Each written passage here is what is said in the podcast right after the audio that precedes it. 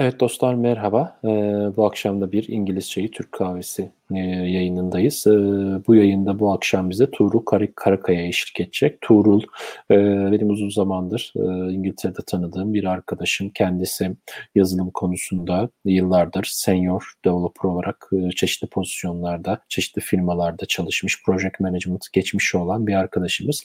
Kendisinin hem Hollanda'da hem İngiltere'de çalışma deneyimi var. Ayrıca Türkiye'de tabii yıllarca çalışmış. Doğal olarak kendisine sorularım Hollanda, Türkiye ve İngiltere'nin kıyaslanması e, ölçüsünde ve hani bu ülkelere nasıl gidilir, nasıl başvurulur, iş konularında neler yapılır, ne yapmak lazım, ne yapmamak lazım gibi konuları e, bugün kendisiyle konuşuyor olacağız. Şöyle bir küçük bir e, intro vereyim, 30 saniye geriye sayalım. Orada biz de yayınla alakalı şeyleri kontrol edelim, bağlantılarımızı ve diğer şeylerimizi. 30 saniye sonra görüşmek üzere.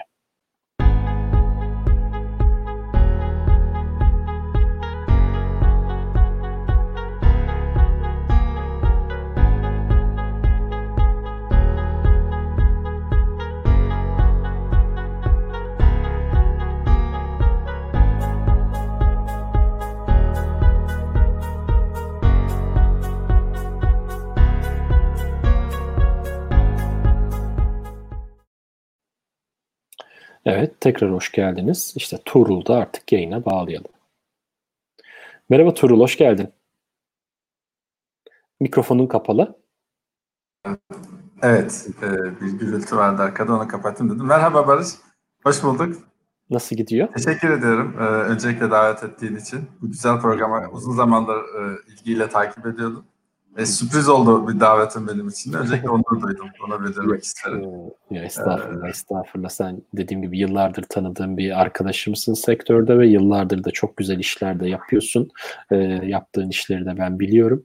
O yüzden seni işte davet edip tecrübelerinden yararlanmak istedik işin açıkçası. Teşekkür ederim. Paylaşıyor olmak tabii ki.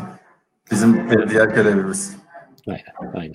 Peki ben her zamanki klasik sorumla başlamak istiyorum. Bütün programa katılanlara sorduğum bir soru bu. Bize kendini tanıtır mısın? Biz senin e, ağzından bir dinleyelim. Tuğrul Kayakaya kimdir? Ee, Tuğrul Karakaya çocukluğundan itibaren ya matematikçi ya bilgisayarcı olmayı o zamanın tabiriyle 80'li yıllarda oluyor. Hep söyleyen. Ee, önce matematik bölümünü okumuş. Daha sonra bilgisayar mühendisliği yüksek lisans ve kısmen doktora yapmış, yarım bırakmış ee, birisi. Ee, çocukluk hayalini o anlamıyla gerçekleştirmiş birisi. 20 yıldan daha uzun bir zamandır yazılım sektörü içerisindeyim. Çok çeşitli projelerde bulundum, startuplarda bulundum. Çok farklı dinamikleri var. Küçük firmalarda bulundum. Gerçekten e, startuplarda olmayan başka sıkıntılarla karşılaşabiliyorsunuz. Küçük firma startup demek değil bu arada enterprise kurumlarda çalıştım. 300 ee, kişilik ekiple çalıştığınız, 6 7 bin, 8 bin, 10 bin e, çalışanı olan kurumlarda çalıştığınız zamanlar oldu. Onların iş akışları, proje işleyişleri, beklentileri çok farklı. Ee, bu anlamda e, Türkiye'de senin de bahsettiğin gibi Hollanda'da e, uzunca bir süredir İngiltere'de çalışıyorum. Çok farklı kültürleri de bu anlamda e, görmüş. E, biraz yaşını başına almış artık gençliğinden ihtiyarlığına doğru tekeri devirmiş. Ama İngiltere'de bu ihtiyarlığı hiç kimsenin hissettirmediği bir kişi. Kısaca böyle özetleyebilirim. Vallahi süper, harikasın. O zaman madem öyle asıl şu soruyla başlayalım. Senin İngiltere serüvenin nasıl başladı? Ee, İngiltere'ye 2016 yılında geldim ama e, Zannediyorum İngiltere'ye geliyor ama tetikleyen şey 2010 yılında oldu. Hollanda'da çalışıyorken İngiltere'ye gezmek maksadıyla gelmiş 3-4 hafta kalmıştım burada. Hı hı. Ee, o esnada aldığım Oyster kart, buranın İstanbul kartı gibi bir şey ve evet. priz dönüştürücüsü ve bir takım şeyleri atmamıştım. Ben bir gün İngiltere'ye gelip çalışacağım diye. E, hayat beni Türkiye'ye götürdü. Bir müddet Türkiye'de daha çalıştım 3-4 yıl kadar sonra. 2016 yılında bazı nedenlerden dolayı bunda konuşuyor oluruz çünkü e, gençlere neler e, e, deneyimlerinden söyleyeceğim noktasında belki bunlardan bahsederim. İngiltere'ye geliyor olmak e, makul göründü e, ve o zaman sakladığım, o 6 yıl sakladığım e, Oyster kartımı, bu priz dönüştürücüsünü de çantama atarak 2016 yılında buraya geldim. E, Türkiye'de bir bankada yönetici olarak çalışıyordum geldiğim zaman. E, İngiltere'ye bütün bunların hepsini arkada bırakarak geldim. E, ve geldiğim için pişman değilim. Mutluyum. Ee, Türkiye'den çok farklı bir yer değil İngiltere. Londra özellikle söyleyeyim. İstanbul'dan gelen birisi için çok büyük bir değişiklik olmayacak. O karmaşa, o e, hızlı hayat, o trafik düzensizliği nispeten tabii İstanbul'la kıyaslanmaz ama Avrupa ile kıyaslanabilir. Londra belki İstanbul'a en benzeyen şehirdir Avrupa'da. Evet, ee, o yüzden hani hayatım çok değişmedi bu anlamda ama iş olarak mutluyum. Yaklaşık 4 yıldır da gelecek ay 4 yıl oluyor. Hı hı. Ee, İngiltere'deyim. Evet. Ben Londra'dayım. İyi İngiltere'de e, olman süper tabii ki. E, burada güzel güzel işler de yapıyoruz seninle. Peki asıl soru şu. İngiltere'deki ilk günlerin ve iş bulma sürecin nasıl geçti? Yani İngiltere'de nasıl bir o ilk e, nasıl diyeyim ilk acemiliğini nasıl attın, ondan sonra nasıl işlere başvurdun, nasıl geri dönüşler aldın. Mesela e, ben de buraya ilk geldiğimde e, kendi şirketimizi kuruyoruz tabii ki bizler buraya gelirken paylaşması kapsamında. Ben de ilk birkaç e, yere başvurdum. E, hatta CV'mi falan gönderdiğim e, agency'lerden bir tanesi fotoğrafını kaldır dedi. Mesela Türkiye'de bizim CV'nin fotoğraflı olması çok doğal bir şeyken burada kesinlikle fotoğraflı CV olmaz. Çünkü ırkçılık nelik olabilir, bir şey olabilir. Bu tarz konularda çok hassaslar. E, senin başından geçen bu tarz şeyler var mı mesela? Şimdi evet fazlasıyla var. Hatta benim daha önce Hollanda deneyimim olmasına rağmen e, hani bu tarz şeyler yaşadım. Şimdi dediğim gibi benim Hollanda, İngiltere hep Hollanda ile bağlantılı olarak anlatıyor olmam gerekiyor. Hı hı. Ben Hollanda'da çalıştığımda Hollandaca konuşmadım. Hollandalılar çok İngilizce konuşurlar. Evet. Ee, belki dünyada ana dil İngilizce olmayıp İngilizce en iyi konuşan ülke Hollanda. Kesinlikle. Kesinlikle. Ben İngilizce konuşamayan hiç kimseye rastlamadım en kötü konuşan e, Hollandalılar, Hollanda'daki Türkler onlar bile e, İngilizce konuşup cevap verebiliyorlar. E, orada İngilizce konuşuyordum. Şirkette 4 yıl İngilizce konuşarak e, çalıştım. Türkiye'ye döndüm. E, burada bahsedeceğim Türkiye'de neleri kaybettim sonra buraya geldiğim noktasında. İngiltere'ye geldiğimde ilk yaşadığım zorluk şuydu. Bakın 4 sene Hollanda'da çalışmama rağmen telefondaki İngilizceyi gerçekten zor anlıyordum. Bakın ben Türkiye'den buraya gelen birisi değilim. Ben İngilizce konuşulan ortamdan buraya gelen birisiyim. Çünkü hı hı. hakikaten İngiltere'deki İngilizce dünyanın diğer yerlerindeki İngilizceden biraz daha farklı. E, alışkanlığınız ve yatkınlığınıza göre bir haftada, üç ayda, sekiz ayda bunu atabiliyorsunuz. Ama sorarsanız ilk önce neyle rastlaştın? İlk yaşadığın sıkıntı neydi diye. Öncesi telefonla arıyorlar. Belki video görüntüsü yapsalar, yüz yüze görüşseniz mimikler, ağız o ya da diğer hareketlerle anlamı daha da kolaylaştıracak. Telefonda ses kalitesi de düşük. Ee, hakikaten e, birkaç sefer neyden bahsettiğini anlamadığım görüşmecilerin sadece e, kafamda herhalde bunu soruyor deyip cevap verdiğim e, durumlar olmuştu. Muhtemelen çok komik görüşmelerdi anlamadığım için bazıları.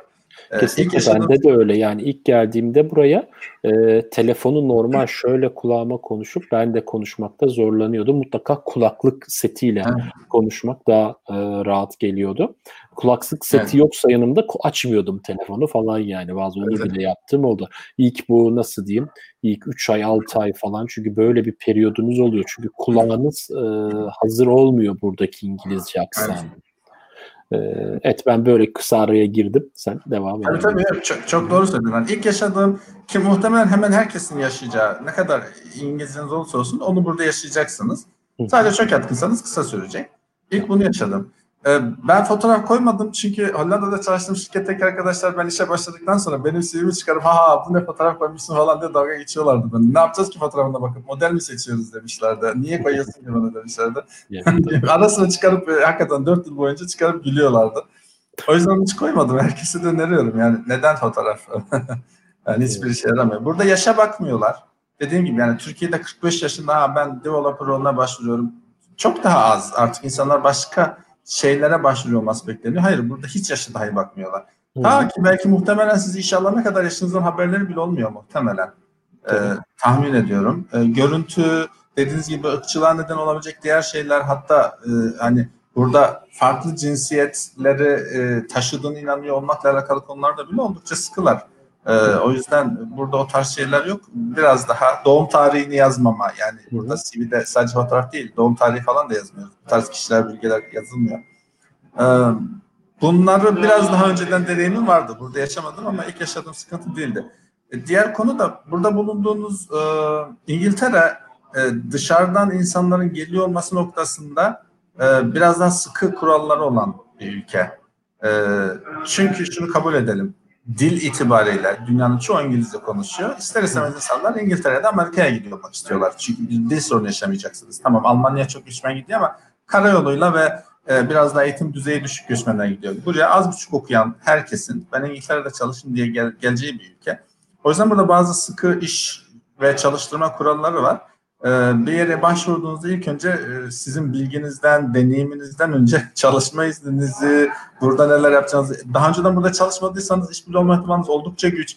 Yani Türkiye'de isterseniz e, en büyük şirketlerde çalışmış olun. Burada hiçbir önemi yok bunun. Hiçbir önemi yok. Burada gerçekten bu şirketleri tanımıyorlar. Evet hiçbir geçerliliği yok ve şey bir, bir anlamda ifade etmiyor. Ee, bu ikisi çalışma izniyle alakalı açıklamalar ve iş geçmişinizin İngiltere'de olmamış olması büyük dezavantaj. Hadi ben kısmen hani Hollanda'da şurada çalıştığım Türkiye'deki 4 yıl yerine ben şey yapmıştım. Yıl sırasını değiştirmiş Hollanda üstte koymuş Türkiye alta koymuştum. Hı-hı. Ters olmasına ama bu beni biraz kurtarıyordu. Ee, Avrupa Birliği pasaportum var sanıyorlardı o sebeple.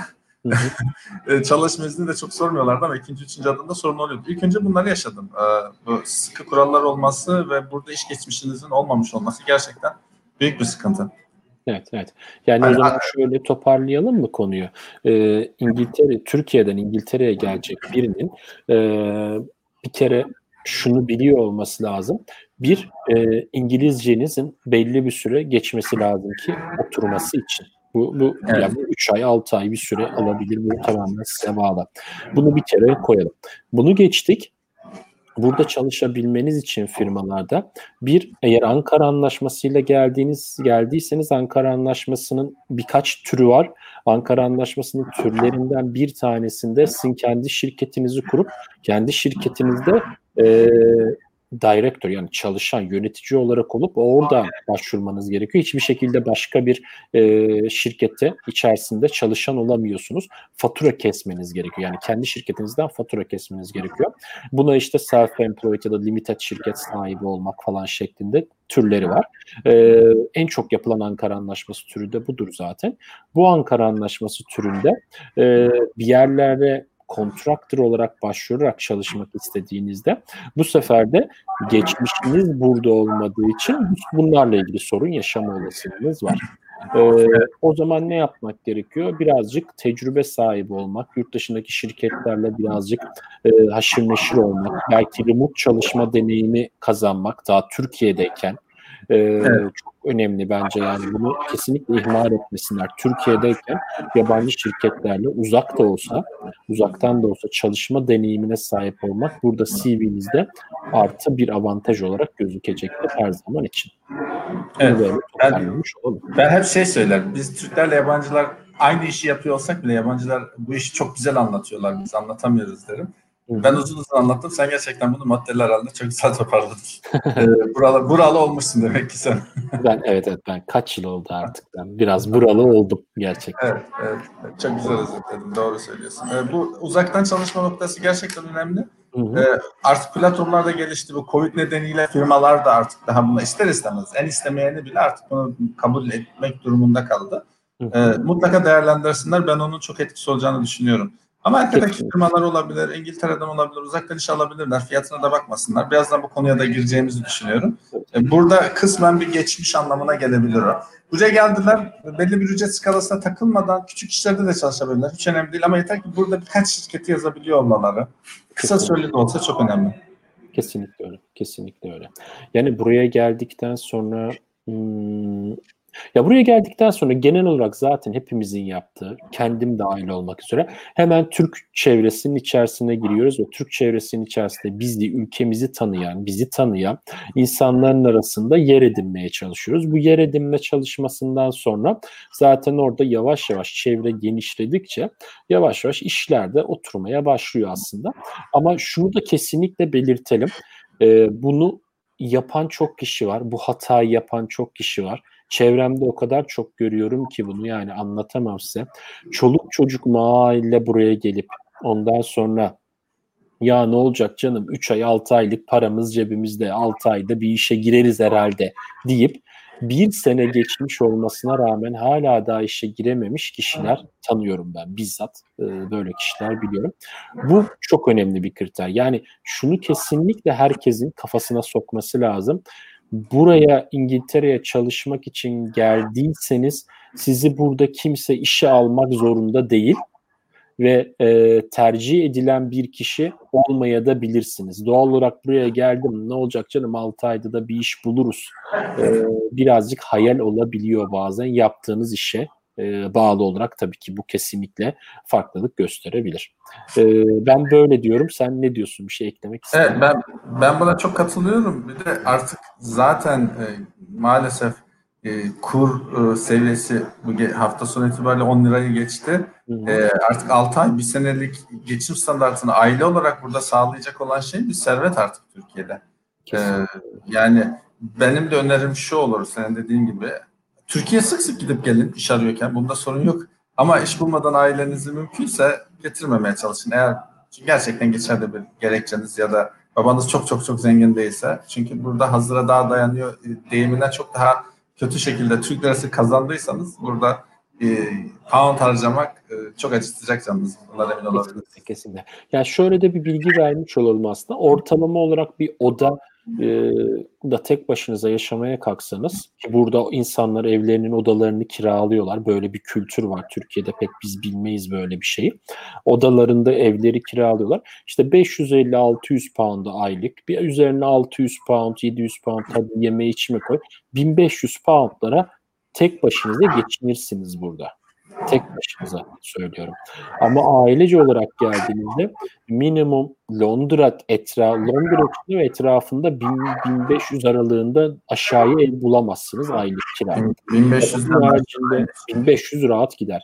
E, yediğiniz aile olarak yediğiniz içtiğinizi üzerine koyduğunuzda kafadan 2500-3000 pound'a çıkar yani iki katına çıkar. Doğal olarak tek başınızda geldiğinizde atıyorum bir yıl dayanabilecekken ailenizle birlikte geldiğinizde bu süre 6 aya ine, inebilir ve burada şöyle bir e, nokta var. E, geldiğiniz zaman e, dediğim gibi kimse kırmızı alılar serip de e, iş bulma garantisiyle böyle aman hoş geldin hemen gel şu işe gir demeyecek yani onu bir kere e, söylemiş olalım yani. O çok... Bu şey de söyleyeyim ev dahi tutamayacaksınız peşin tamam. vereceksiniz 6 ay ya da bir seneyi o yüzden e, ben e, daha da e, durumu sıkışık olanlar için söyleyeyim. Londra'da yaşıyor olmak zorunda değilsiniz. Hele iş arıyorken. Londra'da yaşıyorum diyebilirsiniz. Burada bir arkadaşınızın adresini gösterebilirsiniz. Ama hakikaten İngiltere'nin çok ucuz olan yerleri var. Güzel şehirleri var. Ben bir arkadaşımı ziyaret maksadıyla bir iki aylık Castle'da kalmıştım. Odalar 150-200 pound kadar. mutfak masrafı buradan %30 daha düşük. Yani o 1500 dediğim paraya 700 pound'a orada düşürebilirsiniz. Ve Kesinlikle. iş ararken daha da durumu sıkışık olanlara Londra'da yaşamamalarını bile öneriyorum. Kesinlikle yani ilk geldiğiniz yer gerçekten Londra olmasın. Yani ta Cardiff'e kadar e, evet. batıda, doğuda işte e, Rochester falan o civarlar. Yani Londra'nın etrafındaki şehirlere yerleşmek çok daha mantıklı olacaktır kesinlikle. Bu evet. yaşanmış örnekler yani bunlar. Bunları lütfen şey yapmayın. Hani e, öyle ahkam kesmiyoruz tamamen gördüğümüz, yaşadığımız, çevremizden, arkadaşlarımızdan duyduğumuz e, şeyler üzerine bu bilgileri paylaşıyoruz. Evet. Şimdi bu böyle. Ee, hadi birazcık daha senden bahsedelim o zaman.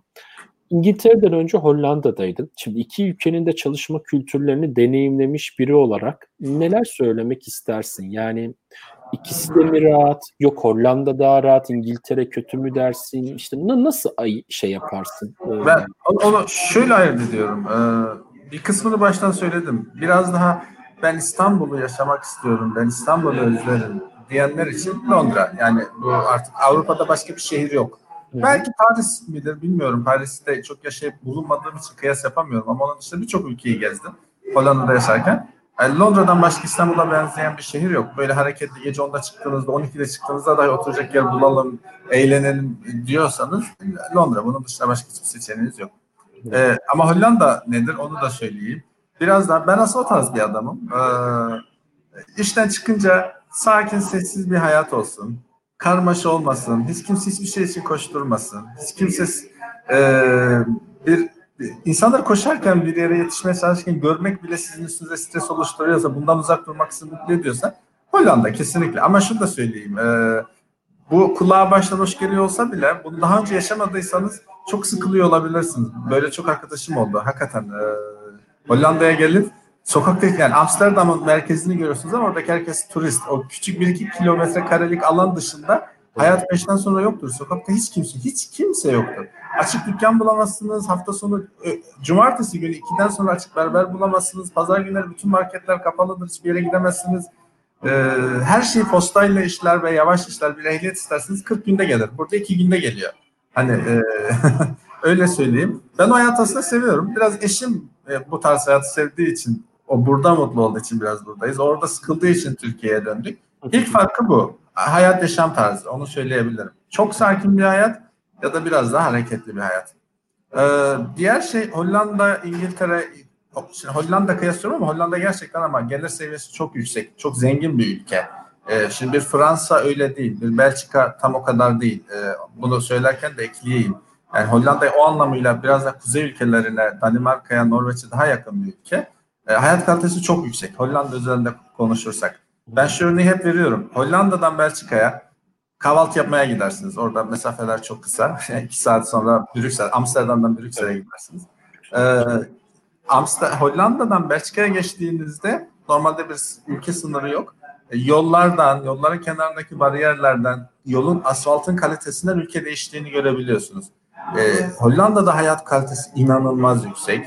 İnanılmaz yüksek. E, bir bozuk kaldırım, bozuk yol görüyor olma ihtimali çok. Yol çizgileri böyle yeni boyanmış gibidir her zaman. İngiltere'de ben ilk geldiğimde yollara baktım. Herhalde kötü bir mahalledeyim. O yüzden burada yollar, yol çizgileri kötü, silik demiştim.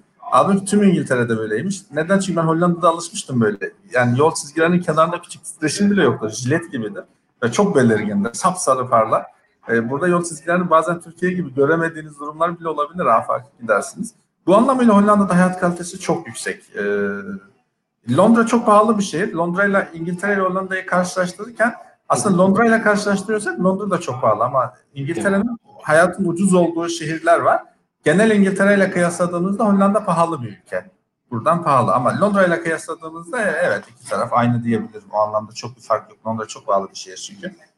Ee, iş hayatı anlamında kıyaslarsanız e, öncelikle şunu söyleyeyim. Yani İngiltere bence e, bu kavramlara çok hakim değilim. Yanlış anlaşılmasını istemiyorum ama çok kapitalist bir ülke. Paranın, kazancın, başarının çok böyle biraz Amerikan tarzı var biraz İngiltere'de. Ee, Hollanda ise bence çok sosyal sosyal bir ülke. Yani sosyalist demek doğru mu bilmiyorum ama e, orada insan hayatı, evet insan hayatı e, ve insanın kendine ait olan şeyleri çok değerli. E, bir küçük örnek vereyim. E, bir e, şirket yazılım satın almış, lisansını bir dosyaya koymuşlar ama dosyanın nerede olduğunu bilmiyoruz. Acil olarak onu kurmamız gerekiyor. Fakat o lisans alan kişi tatile çıkmış. Ne kadar önemli olduğunu anlatırsak anlatalım insan kaynaklarına. Sadece lisans dosyasını nereye koyduğunu sormak için ilgili personeli aramadılar. Hayır adam izinde bunu arayamayız dediler. Zannediyorum İngiltere'de ararlar. Türkiye'yi zaten söylemiyorum. Zannediyorum İngiltere'de bunun için sizi ararlar ama orada asla aramıyorlar. Bir fark daha söyleyeyim. Ee, e, burada henüz öyle bir deneyim olmadı ama zannediyorum İngiltere'de permanent çalışanı işten çıkarmak mümkün ya da çok ağır bir e, cezası ya da yaptırımı yok herhalde ama Hollanda'da gerçekten çok haklı bir gerekçeniz yoksa bir personel işten çıkaramıyorsunuz. Yalnız işten çıkaramıyorsunuz şöyle vurgulayayım mesela. Türkiye'de de işe iade davası açarsınız kazanırsınız sizi işe almak zorunda değil. Belli bir miktarda tazminat öder. Hayır Hollanda'da iş iade davasını kazanırsanız sizi işe almak zorunda. Başka bir çaresi yok. Ee, arka tarafta bir ses geliyor olabilir. Birazdan kesilecek dediğim gibi. Bir otel lobisindeyim şu anda. E, bu anlamıyla Hollanda e, daha sakin, daha hayat kalitesinin yüksek olduğu e, ama sıkılabileceğiniz bir ülke. Şu an belki de e, normalde bildiklerinizin tersine bir şey söylüyorum. Hollanda'ya uyuşturucunun, eroinin, gece hayatının çok şey olduğu bir yer olarak biliyorsunuz ama çok çok yaygın değil bu. Yani genelde dışarıdan gelenler için bu var açıkçası. Normal insanlar öyle yaşamıyor. İş hayatı sosyal hayata daha önem veren bir yapıda. E, ben ilk girdiğim şirkette onu şunu söyleyeyim. Başladığım proje bir yıl gecikmiş, bitmesi iki yıl sonra hedefleniyor. Yani, böyleydi. Bu İngiltere'de bu, bu rahatlığı bu kadar bulamıyor olabilirsiniz. Onu Tabii. söyleyeyim. Sonrasındaki hayat ve proje farklılığı temel olarak böyle. Evet ya İngiltere'de en kötü şunu yapıyorlar. İşte projeni ki benim başıma geldi. Projeye aktarılacak olan kaynak bitti. Projeyi bu noktada artık sonlandırmak zorundayız falan e, şeklinde deyip sonlandırabiliyorlar yani. E, diretmiyorlar üzerinde ne kadar bittiyse o bittiği noktaya kadar olan kısmıyla devam etmeye çalışabiliyorlar. Bir kere özellikle devlet kurumlarında ki ben bir kere devlet kurumuna iş yapmıştım. Öyle bir şey olabiliyor orada bütçe kısıntıları falan filan.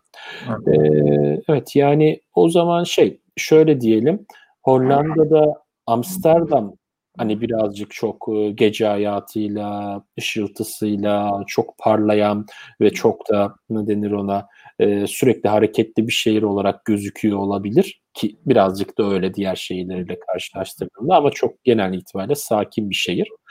İngiltere'ye baktığımda İngiltere de aslında belli oranda hareketli olmasına rağmen İstanbul'la kıyasladığında gene sakin olduğunu söyleyebilirim. Yani şeyi var, sakinliği var gene yani. Böyle özellikle belli noktalara gittiğiniz zaman akşam saat 6'dan sonra sokakta insan göremediğiniz yerler olabiliyor. Öyle mahalleler, e, caddeler, sokaklar var yani. Bu tamamen birazcık merkezli ya da merkezi noktalarda olmakla alakalı diyebiliriz. E, bunu da böyle ifade edeyim. Bu arada şey söyleyeyim mi? İngiltere'de bazı şehirler var. Geçen gün burada da bir turizmci e, arkadaşla tanıştım. E, taşınmayı düşündüğü yerlerle ilgili konuştuk. Kesinlikle Hollanda'dan daha da muhtemelen hayatın sakin olduğu yerler var. Hani benim kastım İngiltere'ye geliyorsanız İstanbul'u çok sizi aratmayacak şeyler var burada. Özellikle Ama araba kullanıyorsanız burada benim bugün başıma geldi. Yani işte şey araçlar geçemiyor işte darlıktan. E, trafik ışığı var. ışık yanmadan ötekiler de devam edemiyor. Öyle takılıp kalıyor. Böyle bekliyorsunuz ki ışık yansın karşı tarafa. Onlar geçsin o sıkışan araba öbür tarafa geçsin ki yol açılsın şey olsun. Ama işte güzel tarafı şu kimse bir kere bile kornaya basmıyor. En son ne zaman korna sesi duydum hatırlamıyorum burada yani.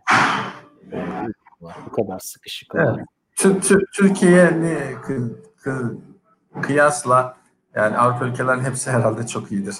Belki biraz daha doğuya gittiğimizde daha kötü yerler göre, göreceğizdir muhakkak.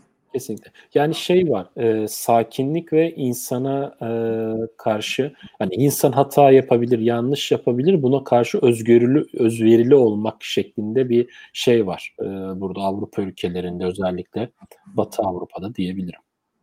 E, hata yapmak dediğinde aklıma bir şey geldi. Bundan kesinlikle bahsetmek istiyorum. Şimdi Hollanda'yı böyle çok kaliteli hayat vesaire dedim. Ama yaşayanlar varsa onlar zaten bana şu an kızıyor olabilir benim sözüme binaen gidecek olan olanlar varsa bir şey söylemek istiyorum. Ee, ne derler ona? Ee, hizmet sektörü Hollanda'da çok kötü. Ee, kesinlikle o nezaketi bulamayacaksınız. Sorduğunuz sorulara karşılık cevap alamayacaksınız. İngiltere'de bu çok tam tersidir. İngiltere'de bir markette herhangi bir adama ben pirinci bulamıyorum deyin. Sizin aradığınız hususiyetteki pirinci bulana kadar sizin peşinizden ayrılmaz. Gelir şunu mu istersen bunu. Hollanda'da şeyler raflara bak der. Çok samimi söylüyorum. Otelde su istersiniz. E, aşağıda dolap olabilir gel bak der. Çok samimi söylüyorum. Yani Hollanda'da hizmet sektörü gerçekten çok kötü. Ya da 7-8 sene önce çok kötüydü. Belki ucuz iş gücü Doğu Avrupa ülkelerden geldiği için birazcık daha eleman sayısı, personel sayısı artmışsa bilemiyorum. Ama İngiltere'de bu kesinlikle çok iyi. Ee, Tabii kesinlikle. İngiltere o nezaket ve o insana yardım konusunda Türkiye'ye evet. çok benziyor gerçekten. Orada sıkıntı yok. Gel istiyorsan birazcık şeye de bakalım. Burada yayına gelen bir takım sorular da var arkadaşlar. Merhaba demiş, iyi yayınlar diyen arkadaşlarımız var. Teşekkür ediyoruz hepsine. Yorumlarınızı bekliyoruz. Ee, lütfen e, yorumlarınızı yazın. E, burada mesela İngiltere'de çalıştırmak üzere personel alıyor musunuz Türkiye'den diye bir soru var. E, Valla işin açıkçası söyle söyleyeyim. Çok açık ve net söyleyeyim. Türkiye'den personel almak yerine Türk ihtiyacımız varsa zaten buradan giderebiliriz. O kadar çok Türk var ki hani e, şey Türkiye'den personel almak çok spesifik bir şey yoksa öyle bir şey çok ihtiyaç olmuyor. Onu bir kere bir kenara koyalım. İkincisi Türkiye'den sponsorlukla hani buraya gelen kişiler, Türkler var mı dersiniz? Evet var. Ee, bunlar da bulundukları, bağlı bulundukları kurumlara başvurup e, o kurumun İngiltere şubesinde çalışmak istediklerini belirtenler e, evet olabiliyor. Bunlar tabii çok büyük kurumlar yani bankalar, finans kuruluşları falan o ciddi büyüklükteki kurumlar. Çok da spesifik bir şeyiniz olması lazım ki sizi böyle alabilsinler e, buraya. Bu iki. Üçüncü olarak da e, dünya devi şirketlerde çalıştığınızda, merkezi İngiltere olan uluslararası şirketlerde çalıştığınızda şirket içinden geçiş yapabilirsiniz. Yani atıyorum İngiltere merkezli e, BP, Shell gibi şirketler ya da ne bileyim atıyorum Microsoft olabilir, Oracle olabilir. Bu tarz şirketlerin kendi içlerinde zaten çalışıyorken personel olarak bir ülkeden diğer bir ülkede açık bir pozisyon yakaladığınızda uygun görülürseniz geçiş yapabilirsiniz. E, bu da üçüncü yol işin açıkçası. E, üçüncü durum. E, birinci durum dediğim gibi çok da fazla tercih edilen, hani kimse spesifik olarak İngiltere'den özellikle Türk arıyorum diye bir Türk'ü e, getirtmez. Çok özel bir şey yoksa ikincisi e, oldu diyelim. Hadi birinci duruma istinaden ikincisi oldu. E, ikincisi de sponsorluk yapılır. O sponsorluğun da şartları vardır. Onun da ayrıca bir değerlendirmesi, Tier 1, Tier 2 vizeleri falan gibi vizeler var. Onlar çok ayrı durumlar. Ee, bir de dediğim gibi şirketin kendi içerisindeki branchlar arasında geçiş şeklinde olabilir. Bu soruya böyle cevap vermiş olalım. Senin eklemek istediğin bir şey var mı? E, bunu güzel açıkladın. Ee, özellikle çalıştırmak üzere personel alıyor musunuzdan kastınız Türkiye'de çalışmak üzere ise mi o ay çok ayrı bir. Buraya yani, buraya Türkiye'de evet. olan birini buradaki kendi şirketine evet. alıyor musunuz? O, o, onun gerçekten sen dediğin gibi şartlar e, zorlu. Hem buradaki şirket için zorlu e, hem de e, buradan bir şirket size sponsorluk veriyor olma noktasında ikna ediyor olmanız gerçekten zor. Çünkü belli bir rakamın üstünde maaş vermesi gerekiyor e, onu, onu o elemanı buradan bulamıyor olduğu noktasında şimdi 70 bin pound verecekse buradan da eleman alıyor olabilir. O süreçle uğraşmaz çoğu firma zaten. E, düşük verecekse de getiremiyor zaten. E, böyle bir ikili çıkmaz var. İngiltere'ye bu şartlarda gelmenin bazı zorlukları var ama kolay olan yolları da var. Geç kalmadan. Ankara Anlaşması olsun, başka şeyler olsun değerlendirilmesini öneriyorum. Ha bu arada şunu da söyleyeyim. 70 bin dediğinde aklıma geldi. E, yurt dışında e, ya Amerika olsun İngiltere olsun maaşlar bürüt ücret üzerinden yıllık olarak söylenir. Yani 70 bin, 75 bin, 80 bin deniyorsa bu bürüt yıllık maaştır. Mesela örnek vereyim 75 bin pound maaş diyorsa bir iş ilanında onu 12'ye bölüp 75 bin işte bölü 12 şeklinde maaş olacak düşünmeyin. Çünkü o brüt maaştır. Onun üzerinde içinden vergiler alınır. O 75 bin sonunda galiba şık şekilde hesaplanıyor. 4300 4300 yapıyor. Tabii tabii 4300-4500 aralığında bir maaş yapar. Ee, yani orada ciddi vergi kesintileri var. Hani bunu bil. Yani bu bir kere e, herkesin bilmesi gereken bir şey. Bu, bu soruya da böyle cevap vermiş olalım. Ee, bir tane daha soru var. Hollanda'da iş bulma potansiyeli İngiltere'ye göre daha mı kolay? Bu tam ee, şöyle, evet, şöyle söyleyeyim. Ee, özellikle son bir yıldır Hollanda'dan inanılmaz derecede e, eleman arayan firmalar olduğunu biliyorum. Hatta bu aralar benim muhtemelen şu an burada bir İsviçre Bankası'nda gelecek hafta başlıyor olma durumu var. Sözleşme yaptık ama henüz başlamadığım için başladım diyemiyorum. Ee, o olmasaydı Hollanda'nın ABM AMRO şirketi Ajax'ın forma reklamında yıllar önce olan hala o mu bilmiyorum. E, ma bir iş yapıyor olma durumu olacaktı. Bu aralar Hollanda'da inanılmaz derecede eleman ihtiyacı var. Eskiden de vardı, hala var. Hollanda'yı ben şöyle değerlendiriyorum. Nüfusu küçük, 15 milyon. E, nüfusuna oranla e, eleman ihtiyacı oranı fazla. E, şimdi İngiltere Hollanda'dan 15 kat daha fazladır. Belki eleman ihtiyacı anlamı. Ee, ama Hollanda'nın nüfusu çok küçük. Bir de İngiltere'de şu e, farklılığı var. E, Commonwealth countries dediğimiz İngiltere'ye bağlı işte Hindistan olsun, Avusturya, Yeni Zelanda, Güney Afrika'ya da başka ülkeler, bir takım ülkeler var. Oradan buraya birçok insanın daha kolay geliyor olma durumu var. İnsanlar buraya çok hızlı bir şekilde ve yoğun bir şekilde geliyorlar. Burada o eleman ihtiyacını karşılayan kaynaklar da oldukça fazla var. Hollanda'da bu çok yok. Ee, o yüzden Hollanda'da inanılmaz derecede bu aralar eleman arandığını biliyorum. Ee, kıyasla baktığınızda zannediyorum Hollanda'da daha fazladır şu an. Ee, ama İngiltere'de de çok fazla. Özellikle permanent iş arıyorsanız burada da çok fazla. Ama e, Hollanda'nın Avrupa'da şu an zannediyorum belki de en çok eleman arayan ülkelerden birisidir diyebilirim. Evet yani burada da hani şeyi söyleyeyim evet çok fazla eleman olmuyor ama yani şunu da ifade edelim e, yani korona, covid bayağı da bunu vurdu ve sekteye uğrattı. Yani bu olmasaydı çok daha e, iyi olacaktı. Onunla ilgili ben şey söyleyeyim. Bu aralar hani son bir ayda biraz da muhtemelen ondan da bahsedeceğiz. İngiltere'de iş aramakla alakalı. Ee, şimdi kuzey İngiltere'nin kuzeyinde olan yerlerde e, mesela Skyscanner'ın e, tam şeyini bilmiyorum. Cardiff'te olabilir. Yerini tam hatırlamıyorum. 300-500 kadar personelini çıkardığını duydum. Bunlar Java developer. Şimdi şöyle düşünün. Bir, daha az iş ilanı var Covid öncesine göre. İki, çok daha fazla piyasada o işlere e, olan talep var. E, eskiden muhtemelen e, bir iki görüşmede alabileceğiniz işleri şu an 7-8 görüşmede alıyorsunuz. İki haftada alacağınız işleri bir ay, bir buçuk ayda alıyorsunuz. Çünkü ve üstelik daha da iyi olmanız gerekiyor.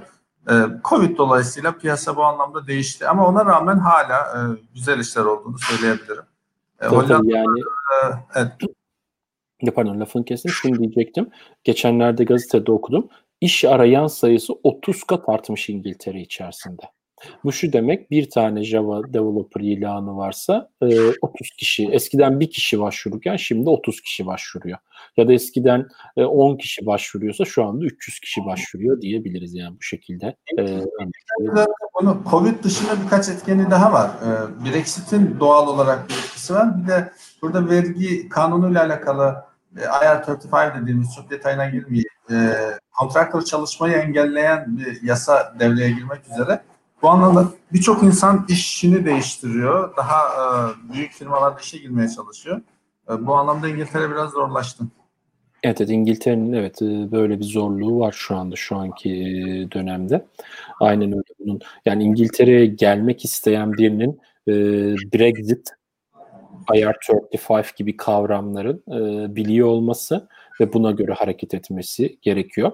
E, şunu da söyleyeyim, ilerleyen yayınlarda hani e, İngiltere'deki bu Ankara Anlaşması dediğimiz Aralık sonunda 31 Aralık itibariyle Avrupa Birliği'nden e, İngiltere'nin çıkmasıyla sonlanacak olan anlaşmayın ya şu anda başvurabilirsiniz 31 Aralık'a kadar ya da bekleyebilir puan bazlı bir sisteme geçecek İngiltere artık. O puan bazlı bir sisteme başvurabilirsiniz.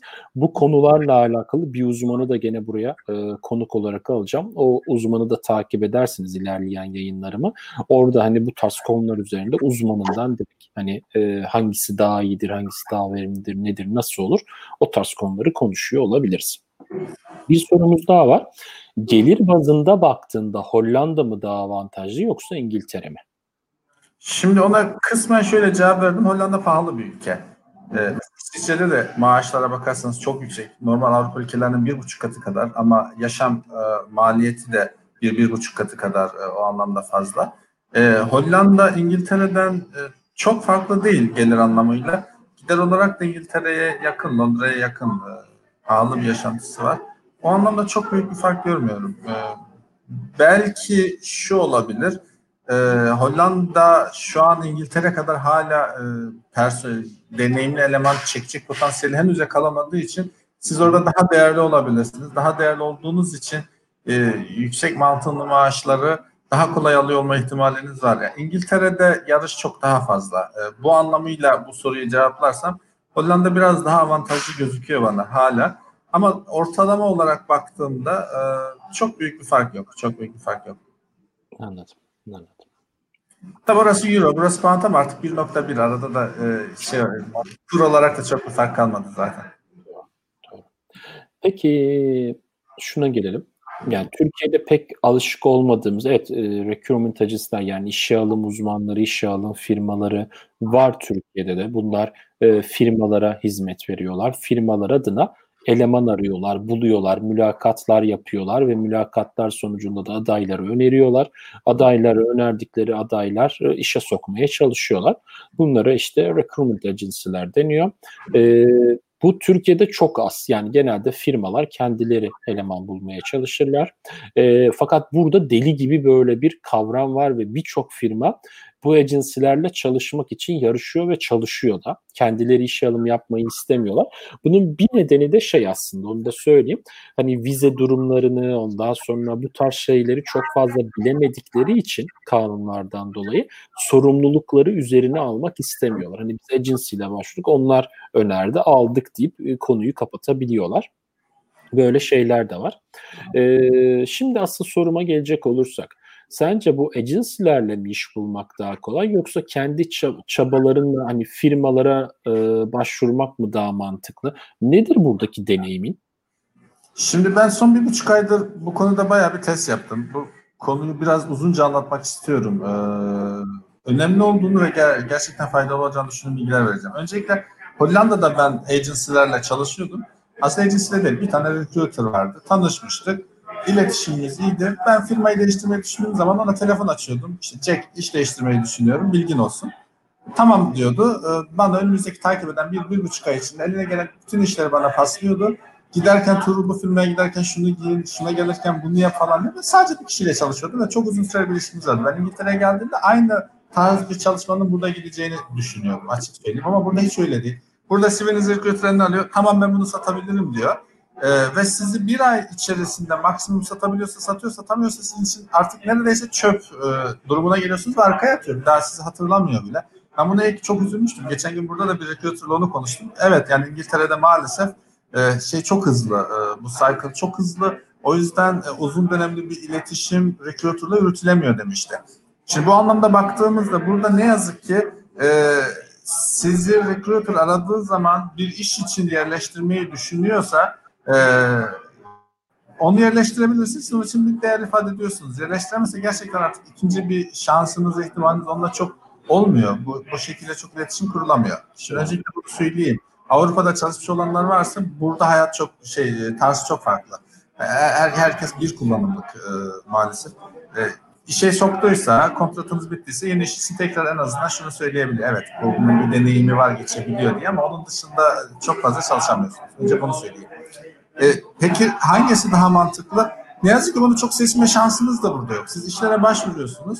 O iş recruiter e, ilanı vermişse ona başvurmuş oluyorsunuz. Firmanın kendisi vermişse ona başvurmuş oluyorsunuz. Bunu çok fazla kontrol edemiyorsunuz. Ee, ilk acemiliğinizle. Şimdi öncelikle bunu söyleyeyim. Ee, iş siteleri var. Burada 5-10 tanesi çok yaygın kullanılır. Dediğim gibi oraya başvuruyorsunuz. Birazdan bundan bahsedeceğim. Ne yapmanız gerektiği konusunda. Ee, ve sizi kim arıyorsa oradan ilerlemeniz gerekiyor. Ee, recruiter arıyorsa e, o anki modunuzun, enerjinizin, sizi arayan recruiter muhtemelen bir sene sonra Uber driver olabilir. Yani sizi arayan kişinin bir teknoloji gurusu olduğunu düşünmeyin. Yani o burada e, bir, bir tık seviye üstte terminoloji öğrenmiş. Cloud biliyor musun? Azure biliyor musun? Java ne? Java'da bilmem ne diye soran birisi. Yani orada biraz daha bir diliniz kötü olmasın. E, enerjiniz çok düşük olmasın. Aa bu iş çok bana göre ben bunu alırım gibi bir elektrik verebilirseniz CV'nizi firmaya iletiyor. Yani bir de ben her şeyi biliyorum da demeyin tabii. Burada profesyonelleşme evet. önemli olduğu için. Evet, evet. evet. Yani sadece şey demek istiyorum. Yani recruiter sizi interview yapmıyor. Siz, siz, sizi sorgulamıyor. O anki e, ne kadar match olduğunu görmek istiyor. %80, %75 üstüyse zaten bu match olmuştur deyip kendini denemek istiyor sizi. Ee, ve ondan sonra zaten CV'niz firmaya gidiyor. Interview ayarlıyor sizinle. Bir öncesinde size şunu söylüyor. Ben size şirketin adıyla ilgili mail atıyorum. Ee, siz ona evet benim CV'mi iletin diyorsunuz diye. Artık başka birisi sizin CV'nizi iletse dahi artık siz o adam üzerinden, o recruiter üzerinden gitmiş gibi olmak zorundasınız. Siz on, o an itibariyle firmayla doğrudan bile temasa geçseniz artık o hakkınız olmuyor. Recruiter'a o hakkı vermiş oluyorsunuz. Ee, onu söyleyeyim. Çünkü o firmadan sizi o bilgilendirmiş oluyor. Ee, bu anlamda çok seçeneğiniz yok ama recruiter adımını geçiyor olmanız lazım. Biraz daha e, dediğim gibi e, recruiter'ı ikna ettiğiniz zaman CV'nizi iletiyor. Ben şunu biliyorum. İki recruiter beni aynı pozisyon için aradı. Birisi beni geçirmedi. Diğeri geçirdi. Çünkü birisinde ben biliyorum. Modum çok düşüktü. Aradığı zaman iş firma hakkında çok bilgim yoktu. Araştırmamıştım. Biraz ben de saçmaladım herhalde. Ama ikincisi bilakis çok memnun olarak geçirmişti.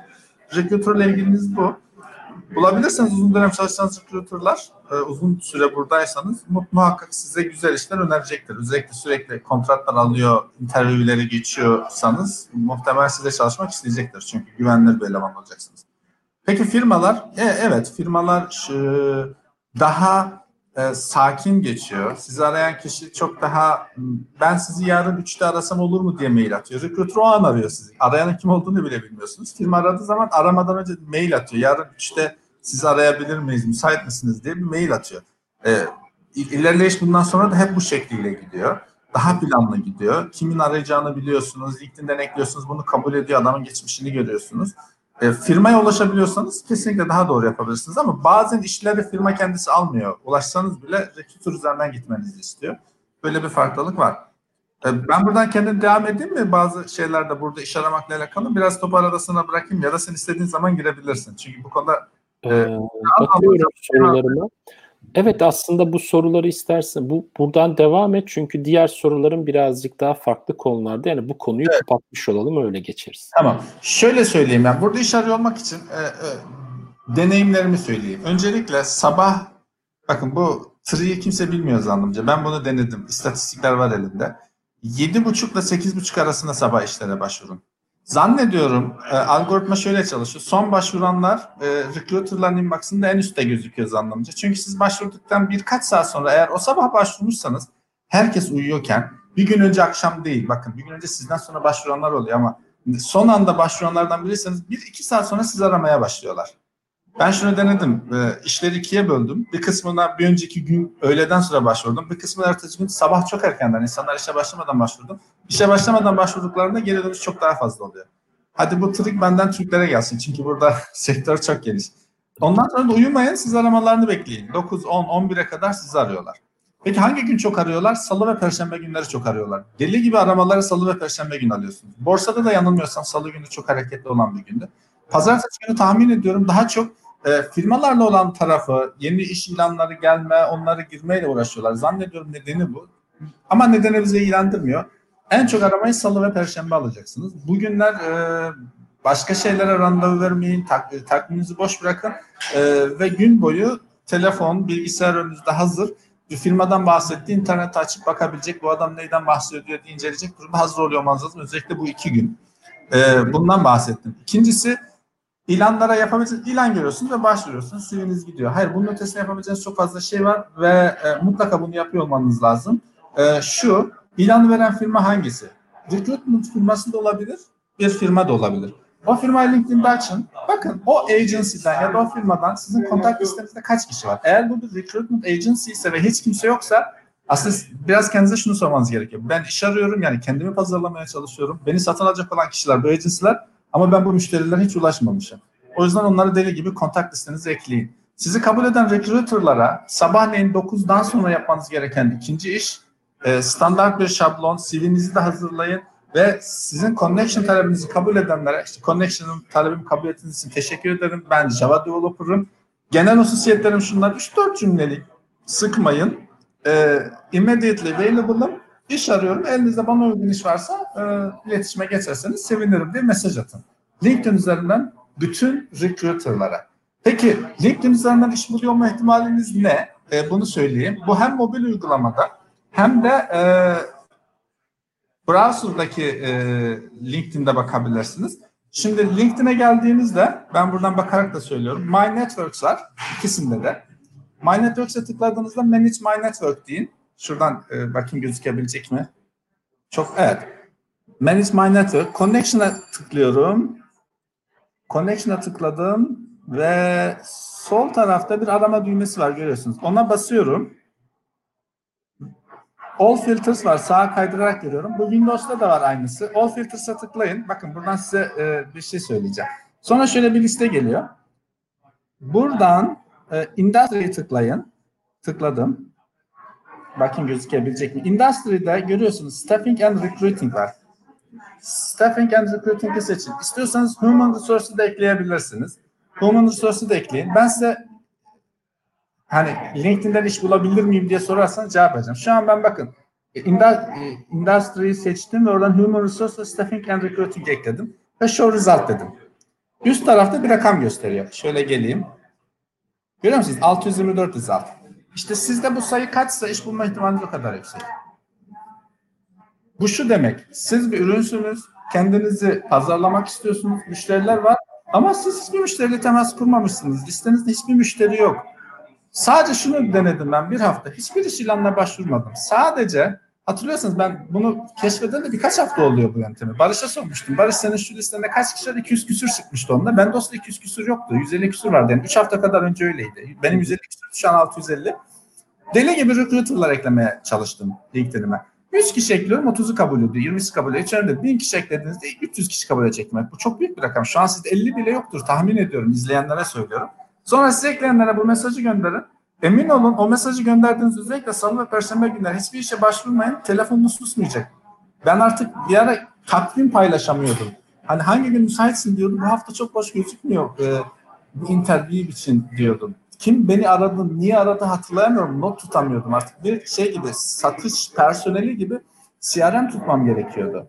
Ve bunu sadece LinkedIn üzerinden yapabildim. Özellikle onu söyleyeyim. Yani LinkedIn'den iş ilanlarına başvurmak vesaire falan bunlar tamam. Ama sizi satın alacak olan kişiler insanlar, gerçek insanlar. Bunlar muhakkak sizin listenizde bulunsun. Ee, bu benim yeni keşfettiğim bir şey. Ben ekstra başka bir şey de yaptım. Ee, bu in-mail'i biliyorsunuz. In-mail'e çok benzer bir de sponsor mail var. Aslında reklam yapmanı sağlıyor. Ben kendi CV'mi koydum, kendi açıklamamı koydum. Bir profil seçtim. Şu profile benim reklamımı göster diye. Onun performansını tam ölçemedim ama oradan da bir 30-40 CV görüntüleme aldığımı düşünüyorum. Çok düşük bir ücretle. 10-15 pound bir ücretle 30-40 CV görüntüleme yapmıştım herhalde. Bu ücret çok düşük ya. 100 pound bile verirdim ben 20-30 CV görüntüleme için. Ee, bu da başarılı. Bu anlamda beni arayanlara işim ne dediğimde benim şu anki işim iş arıyor olmak diyordum. Çünkü hakikaten sabah herkesten önce işe gidiyordum. İnterviewlerden dolayı 5-6-7'ye kadar bilgisayar başında kalmam gerekiyordu ve gerçekten bu iş arama sürecini bir kendinizi sattığınız e, bir iş gibi düşünüyor olmanız lazım. Kısaca toplayayım. Bunun birinci aşaması insanlara ulaşmak. İkinci aşaması e, bir e, ilk aşama interview olacak. Ona hazır olmanız lazım. Muhtemelen iki, birkaç tanesini deneyiminiz olmadığı için çöpe atacaksınız, geçemeyeceksiniz. Daha sonra teknik interview'lar var. 5-6 taneden sonra kendinizi burada geliştirmiş olacaksınız. En son kapanış interview'leri olabilir. Bu iş arama İngiltere'de e, aradıkça deneyim kazandığınız, aslında sizin ne kadar iyi IT'ci olduğunuzdan ziyade ne kadar iyi iş arama deneyiminizin olduğu da ayrı bir uzmanlık alanı. E, bunu geliştirmeniz lazım. Aslında bunu sadece İngiltere değil yani bu Türkiye'de dahi kalsanız Türkiye'de de iş aramanız evet. yani yapmanız, uygulamanız gereken hani iyi yöntemler bunlar. Valla çok teşekkür ederiz. Çok güzel trikler e, söyledin bizim için açıkladın. E, gerçekten çok hani e, önemli konular bunlar. Bunlar yaşanmış deneyimler olduğu için gayet önemli. Çok teşekkür ediyoruz sana bu konuda. Lütfen hani bu arada arkadaşlar sorularınız varsa bunlarla alakalı lütfen e, sorularınızı da paylaşın. E, sorularınızı, like'larınızı bizden eksik etmeyin lütfen. Ben, ee, soracağım bir soru yoksa burada bir soru görüyorum. Yazılım sektöründe Hollanda'da diploma verilen önem nedir diye e, Burak Şener sormuş ama evet. başka soru varsa onu soralım ya da ben onunla ilgili bir şey anlatmak istiyorum. Tabii tabii lütfen buyur. Şimdi e, bakın ben lisans eğitimim var, yüksek lisans eğitimim var makine öğrenmesi ve görüntü işleme üzerine. Doktora da kısmen e, iki kez doktorayı yarım bıraktım. E, yine information extraction yani şey uzmanlığım var. Bu konuda aslında kendi şüphem yok. Bu konuda gayet e, eminim kendimden. Ama artık bu sene hatta geçtiğimiz ay ben şuna karar verdim. Yaşım 42, kendimi sıfır kabul ediyorum. Her şeyi yeniden öğreneceğim. Data structure yeniden öğreneceğim. işletim sistemlerini yeniden öğreneceğim. Performansa yeniden bakacağım enterprise architect'lere yeniden bakacağım. Her şeyi yeniden öğreneceğim. Ee, iki türlü çünkü burada yapı var. Bir, hiç eğitiminiz olmadan burada yazılım iş yapabilirsiniz. Hollanda'da da yapıyor olabilirsiniz. Gelebileceğiniz yer kötü de değil, oldukça iyi bir yer. Az önce bahsettiğimiz maaşları çok rahat alabilirsiniz. Deneyim edinerek. Ama bunun bir ötesi bir yer daha var. Ee, mesela benim kendime koyduğum hedef iki sene sonra herkesin kullandığı bir sistemin bir parçasını ben kendim geliştirmiş olmak istiyorum. Herkesin. Yani bu da şu demek aslında ben Amazon'da, Microsoft'ta, Google'da bir yerde herkesin kullandığı bir sisteme bir kod yazmak istiyorum. Bu biraz daha e, şunu gerektiriyor. Temel bilgilerinizin çok iyi olmasını gerektiriyor. Ne kadar yazılım deneyiminizin olduğundan ziyade temel bilgileriniz ne kadar sağlam. Ben geçen gün girdiğim bir interview'de e, herkese hashmap nedir, performans nedir falan diye sorarken adam bana binary not yazdırdı. Onu thread safe yaptırdı. Bakın bunlar benim 15 yıl önce yaptığım şeyler. Hiç arada bakmadığım şeyler. Şans eseri o yapabildim. Bildiğim bir şeydi o an. E sonra karar, onu düşündüm. Evet bunların hepsini yeniden öğreniyor ve değerlendirmem lazım. O yüzden ben an itibariyle yani bu ay itibariyle birkaç kitapla sipariş verdim. Sıfırdan başlıyorum. Neden? Çünkü belli bir level'ın biraz daha üstünde e, daha efektif bir yere e, gözümü diktiğim için. E, soruyu kısaca cevaplarsam e, evet hiç e, çok önemsiz demeyeceğim. Tabii ki lisans eğitiminiz var mı diye bakan yerler olacak ama hiç lisans eğitiminiz olmadan deneyiminizle kesinlikle çok iyi maaşlar alabilirsiniz deneyiminizle. Hele İngiltere'de okumadığınız için insanlar Türkiye'de bir bilmem ne lisesi yazsanız bile anlamayacaklar bu üniversitemizi. Hele bir 15 yıllık bir iş geçmişiniz varsa zaten artık şey, ne okuduğunuzu pek kimse sormuyor.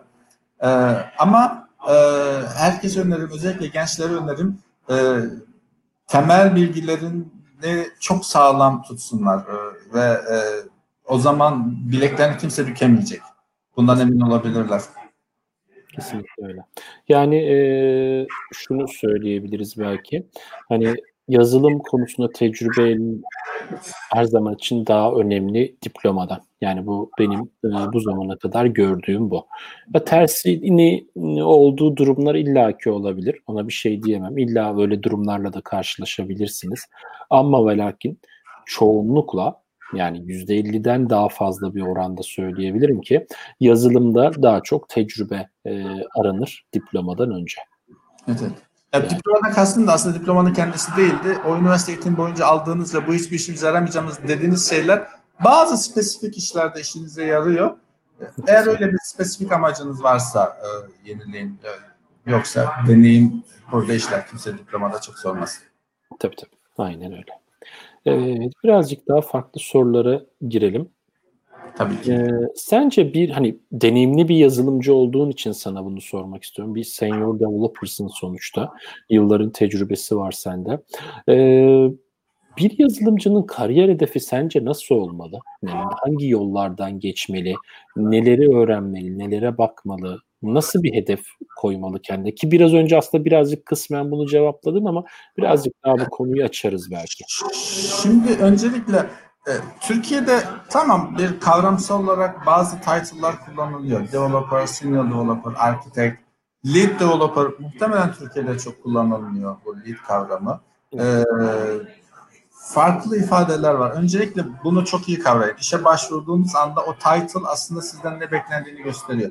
Ee, geçenlerde bu geçtiğimiz birkaç ay deneyimden hep örnek vereyim. İş geçmişini bu yoğunluktan dolayı çok inceleyemeden bir interview'e atlamak zorunda kaldım. Çünkü arada 10-15 dakika boşluklarla birinden diğerine girdiğim durumlar oldu. Hı hı. Bu da Covid'in sağladığı bir avantaj. Normalde günde bir interview yapabiliyorken şu an 4 tane yapabiliyorsunuz çok rahatlıkla. Ee, aslında lead developer arıyormuş. Lead developer arıyorsa şu demek. Sizin liderlik karakterinizi bekliyorlar. Ya teknik liderlik bekliyorlar ya da insanlara liderlik yönetme anlamda bekliyorlar. Bunu öne çıkarmanız gerekiyor. E, o title'ı e, iş detayını görmeden interview'e girdiğim için ona kaybetmiştim. E, çünkü vurgulayamadım o tarz. Sonradan niye red aldığımı iş ilanına tekrar bakınca anladım. E, öncelikle onu söyleyeyim. Yani burada e, farklı karakterler var. Şimdi e, insanların hedefi ne olmalı? Öncelikle Türkiye ile burada kıyaslayayım. Yaşınız ilerledikçe ilerliyor olmanın yolu yönetici olmaktan geçiyor Türkiye'de. E, çok büyük enterprise kurumlarda, bankalarda bile ne yazık ki bu henüz Türkiye'de çok kırılamadı. Ama burada öyle değil. Geçen LinkedIn'de de paylaşmıştım. Zannediyorum ben 65 yaşında dahi burada developer olarak iş arayacağım ve iş bulabileceğim. Ve bundan da mutlu olacağım. Beni işe alanlar da benim yaptığım işten mutlu olacaklar. Zannediyorum. Ee, bunu, bunu burada çok rahat yapabileceğime dair inancım çok fazla. O yüzden... Var, var. Ben direkt e, bu noktada bölmek isterim seni. Evet. Ben sonuç itibariyle takımlar yönetiyorum Türkiye'de, İngiltere'de falan filan. Yani 15 kişilik takım İngiltere'de, bir bu kadar da İstanbul'da falan işte böyle Türkiye'deki takımlar falan konuştuğumuzda. Yani şeyi diyebilirim, Türkiye'deki takım tamamen gençlerden oluşuyor. Yani maksimum en yaşlısı söyleyebilirim ki 30-33 yaşlarında falan. Burada işte e, takım arkadaşlarıyla bugün birebir toplantılara başladım. Arada bir belli dönemlerde birebir toplantılar yaparak şeylerine bakıyorum. İşte performans değerlendirme olabilir. Ondan sonra bir sorun problem var mı? Şirket içi e, sıkıntı var mı falan filan diye. Neyse birebir toplantılarımız. Yani toplantılar sırasında konuştuğum, birebir konuştuğum arkadaşlar e, şöyle söyleyeyim. Ben üniversiteye girdiğim yılda e, adam artık e, ya ben işte biz bir yazılım şirketine çalışıyorduk. O yıl işte e, şunu yapıyorduk falan diyor. Yani üniversiteyi bitirmiş, iş bulmuş, çalışmaya başlamış. O adam onun bilmem neyin deneyimine sahip oluyordu falan yani. Ve baktığınız zaman işte benden hadi 15 yaş falan daha e, deneyimli olsa yaklaşık olarak 50 yaşlarında falan. Yani şu an yaşını da bilmiyorum çalışan kişinin işin açıkçası. Yani umurumuzda da değil işin açıkçası İngiltere'de. Hiç öyle bir e, şeyimiz de yok. Ondan istatistiğimiz. E, ama şey yani sonuç itibariyle 50-55 ee, yaşında olmak burada çalışmaya engel değil, iş yazılımcı olmaya engel değil. Çok rahat iş bulup ilerleyebiliyorsunuz. Ve aynı pozisyonda yıllarca kalabiliyorsunuz. Yönetici olmanız da e, şart değil yani. E, ve şu var, o konudaki deneyiminiz arttıkça tabii e, neden yönetici oluyor Türkiye'de insanlar? Daha çok gelir elde etmek için. Burada yönetici olmadan gelirinizi sadece kod geliştirerek artırıyorsunuz. Çünkü deneyiminiz artıyor üstüne farklı şeyler e, koyuyorsunuz ve artık onu beklentileri karşıladığınız daha yüksek maaş alabiliyorsunuz. Burada konuda sıkıntı yok. Türkiye'den gelenler için ekstra şunu söyleyebilirim. Yani ben tekrar geçmişe dönmüş olsaydım e, daha önce yurt dışına giderdim. Daha erken, daha genç yaşta yurt dışına giderdim. Ben 29 ya da 30 yaşındaydım. Ya da evet öyle bir şeydi. Bir de e, dili daha iyi öğrenirdim. Kesinlikle. Mesela burada lead developer'lıkları çok tercih etmek istemiyorum. Çünkü bazen ee, hem takım arkadaşlarına teknik lead değil de özellikle iletişim anlamında bir leadlik istiyorlarsa çok daha İngilizce gerektiriyor. Hem yöneticilerle hem müşterilerle hem arkadaşlarınızla konuşmak gerekiyor. Hani onu ben nazikçe şöyle söylüyorum. Yani ben önce müsaade edin birkaç tane Shakespeare okuyayım. Sonra buna başlayacağım diyorum. Daha soft oluyor. Ee, böylece hani hem kendimi çok kötülemeden e, başka işlerden yürüyelim biz diyebiliyorum recruiter'a. Ee, ben bunu yapmak isterdim. Çünkü tekniğinizi geliştirirsiniz. İki sene sonra da geliştirirsin sorun değil. Ama dil gerçekten e, çok çok önemli. E, ben biraz daha genç olsaydım daha erken başlar e, ve dile de daha çok önem verirdim ilk etapta. Gençler varsa dinleyenler değil. Yeah. Orada yeni bir e, şey daha geldi, mesaj daha geldi. E, Yunus Bey sormuş. IR35 yasası ile ilgili düşünceleriniz neler acaba? Bu yüzden uzaklaştım Ankara Anlaşması'ndan. IR35 Ankara Anlaşması'nı e, etkiledi. Ankara Anlaşması ile İngiltere'ye gelenleri etkiledi ama bu konuyla alakalı şunu söyleyebilirim. Bence yerinizde olsam 31 Aralık'tan sonra Ankara 31 Aralık tarihi son Ankara Anlaşması için yani 31 Aralık tarihine kadar Ankara Anlaşması İngiltere'ye kabulünüzü aldınız almadı, aldınız. E, almadıysanız eğer bekleyin. E, o 1 Ocak itibariyle yeni yasalar devreye giriyor. Puan bazlı sistemler devreye giriyor. Bu puan bazlı sistemlerde e, yanlış bilmiyorsam, bakın orada yanlış bir yönlendirme de yapmak istemem galiba, e, employee olarak çalışabilme hakkını da elde ediyorsunuz. Yani sadece e, şirket sahibi olmak değil, e, bu nedenden dolayı IR35 yasasından da etkilenmeden aslında İngiltere'ye gelip ve çalışabilir hale geliyorsunuz. Dediğim daha önce ben e, söylemiştim bunu. E, bu ilerleyen günlerde yani ilerleyen haftalarda bu konularla ilgili bir uzman birilerini e, çıkartıyor olacağım e, yayına. O yüzden o yayını takip ederseniz orada daha kapsamlı, detaylı, geniş bir şekilde bunun cevabını vermiş oluruz diyerek konuyu bağlayayım bununla alakalı. Ve aslında sana soracağım sorular vardı ama çok da uzatmak istemiyorum. Yayınımız bir saati de geçtik. Genelde bir saatlik yayınlar yapıyorum ben. Bu nedenden dolayı hani şunu sormak isterim ve hatta bu da son sorum olsun. Ee, Türkiye, Hollanda ve İngiltere'de e, çalışmayı kıyaslarsan hangisinde daha huzurlu çalıştın diyeyim. Şimdi Türkiye, Hollanda. Şöyle, e, benim şartlarım çok adil bir şart olmayabilir e, herkese ilgilenen. Türkiye'de bir bankada çalışıyordum. Yönetici olarak çalışıyordum. E, bu Türkiye'nin genelini yansıtan bir durum olmayacak.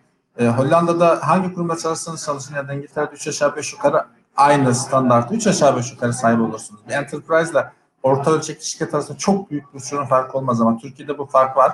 Hani benim üzerimde bu kıyas çok adil olmayacak ama ben biraz daha genel olarak ben orta ve küçük şirketlerde de çalıştım söyleyeyim. Ee, en huzurlu yanılmıyorsam Hollanda'daydı. Ee, Onu çok net söyleyeyim. Bu arada şarjım bitmesin diye şey takmayı unutmuşum. Konuşurken onu da takayım. E, kesilmeyelim. En hızlı Hollanda'daydı. Ama İngiltere'de e, bunu da kıyaslayamam çünkü İngiltere'de kontraktör olarak çalışıyordu. Kontraktörsanız day one'da bir şey öğretmenizi var, bekliyorlar. Kesinlikle. Bunda hiç şüphe yok. Ee, Hollanda'da bir ay sadece yattım neredeyse. Bana bir işlerin modunda baktım. Belki İngiltere'de permanent işlerde öyledir. Göreceğiz. Önümüzdeki günlerde e, onu geçtireceğiz. Öyle olacağız. O anlamda Hollanda, İngiltere çok farklı olduğunu düşünmüyorum. İngiltere'nin biraz daha söyledim. Daha kapitalist, hayat biraz daha hızlı. İş hayatına da bu biraz daha yansımış. Bunun farkındayım. E, Hollanda bu anlamda daha sakindi. E, Türkiye stresli, projeler daha plansız, bütçeler çok daha kısıtlı. Bu nedenle daha kalitesiz personelle çalışmak zorunda kalabiliyorsunuz. Ee, sizin üstünüzdeki yük ve stres artırıyor olabilir. Süreler çok sürekli değişiyor. Bu, bu gerçekten Türkiye'deki sorunlardan birisi. Ama Hollanda'da çok rahatım. İngiltere'de çok farklı değildir ondan. Permanent da. Hollanda'da kontraktı bilmiyorum. Buralar o anlamda biraz daha rahat. Herkes anlaşılır. Sorun çıkabilir. Ee, yeter ki açık, adil, dürüst olduktan sonra bir hata yaptıysanız o hatadan ders aldığınız sürece buralarda çok sorun yok. O anlamda rahat. Doğru. Doğru. Doğru. Başka sorun olmayacaksa küçük bir şey ekleyeyim ben. Tabii tabii evet aslında evet sonlandıracağım yayını. Sen ekleyeceğin bir şeyler varsa Bu lütfen. herkes IR35 İngiltere falan diyor ama benim bayraktarlığını yaptığım bir başka konu daha var. Aslında İngiltere'ye gelmekten daha kolay olan başka bir şey var. Mesela Almanya'ya çalışmaya gidebilirsiniz. Ee, Bunu çok net olarak söylüyorum. Hollanda biraz daha zorluyor bu konuda ama e, İngiltere'de 5 yıl 6 yıl Ankara Anlaşması şartlarında sıkışıklık yaşayacağınızda bir iki sene Almanya'da e, ufak sıkıntı çekerseniz tüm Avrupa'da çalışma hakkı elde ediyorsunuz. Detaylarını bana ayrıca sorabilirsiniz LinkedIn'den e, ya da tugrulkarakaya.gmail.com adresim yardımcı olmaya Şöyle ben şey yaptım, alttan geçiriyorum senin bilgileri. Evet. E, şey Blue Card diye bir şey var. Almanya deli gibi adam almaya çalışıyor. Özellikle IT'cileri almaya çalışıyor. Çok düşük maaşlar bile. Hatta şöyle Ankara'ya anlaşması için proje yazmanız gerekiyor vesaire. Almanya'ya şöyle diyebiliyorsunuz. Üniversiteden mezun oldum. İngilizcem var. 6 ay bana yetecek kadar param var. Yani 3-5 bin euro diyelim. Küçük odada kalacaksanız bu benim için yeter diyebilirsiniz. Almanya'ya iş aramaya gideceğim diyorsunuz. İş bulmanıza bile gerek yok. 6 ay size oturum veriyor. İş arama oturumu. 6 ay içerisinde firmalara başvuruyorsunuz. Firmalardan birisi tamam sen de çalışacağız dediği anda sizin 6 aylık oturumunuz otomatik olarak permanent oturuma dönüşüyor. 24 ay sonra da tüm Avrupa ülkelerinde çalışabiliyorsunuz. Ee, hani Almanya biraz dil sorunu var falan diyen olursa İngilizce işler çok. İş ilanlarının %10'u IT'de İngilizce. Ben bunun e, oranına bakmıştım. Ee, Ankara anlaşmaları çalışabileceği iş ilanları geçenin %5'ti burada. E, hepsinde çalışamıyorduk. E, Almanya'da %10 İngilizce iş ilanı vardı. İngilizcenin yeterli olduğu. Yani Almanya'da şansınız daha yüksek aslında. Ve iki yıl sonra diğer Avrupa ülkelerinde de gidip çalışabiliyorsunuz. Bunu inceleyin. Blue Card. Almanya. Evet. Reklam veriyor Twitter'a. Gelin Blue Card'la burada çalışın diye. Evet, Deli gibi diyor. Çünkü kimse gitmiyor Almanya'ya. Doğru, doğru, doğru. Valla çok sağ ol, teşekkür ediyoruz e, Tuğrul. Yani çok değerli bilgiler verdin. LinkedIn'de nasıl hani e, iş arayacağımız olsun, ondan sonra Hollanda'yı, Türkiye'yi, İngiltere'yi kıyaslamak olsun, Almanya konusundaki biraz önceki verdiğim bilgiler olsun. Çok güzel e, açıklamalarda bulundun, bize deneyimlerini aktardın. E, çok teşekkür ediyorum bugün yayına geldiğin için, e, olduğun için. E, tekrar görüşmek üzere diyeyim ben sana. Ben çok teşekkür ediyorum. İş yerinde de seninle birlikte çalıştığımız zaman muhabbet etmekten çalışmaya çok vakit bulamıyorum. Burada da vaktin nasıl geçtiğini hiç anlayamadım. Vallahi. Evet, güzel ortamı oluşturdun ve beni davet ettiğin için de tekrar onur duyduğumu söyleyeyim. İnşallah insanlara da faydalı bir şeyler söyleyebilmişizdir. Çok çok faydalı. Herkese iyi akşamlar diliyorum ben. Çok teşekkürler. Görüşmek üzere. Görüşmek üzere. Hoşçakalın.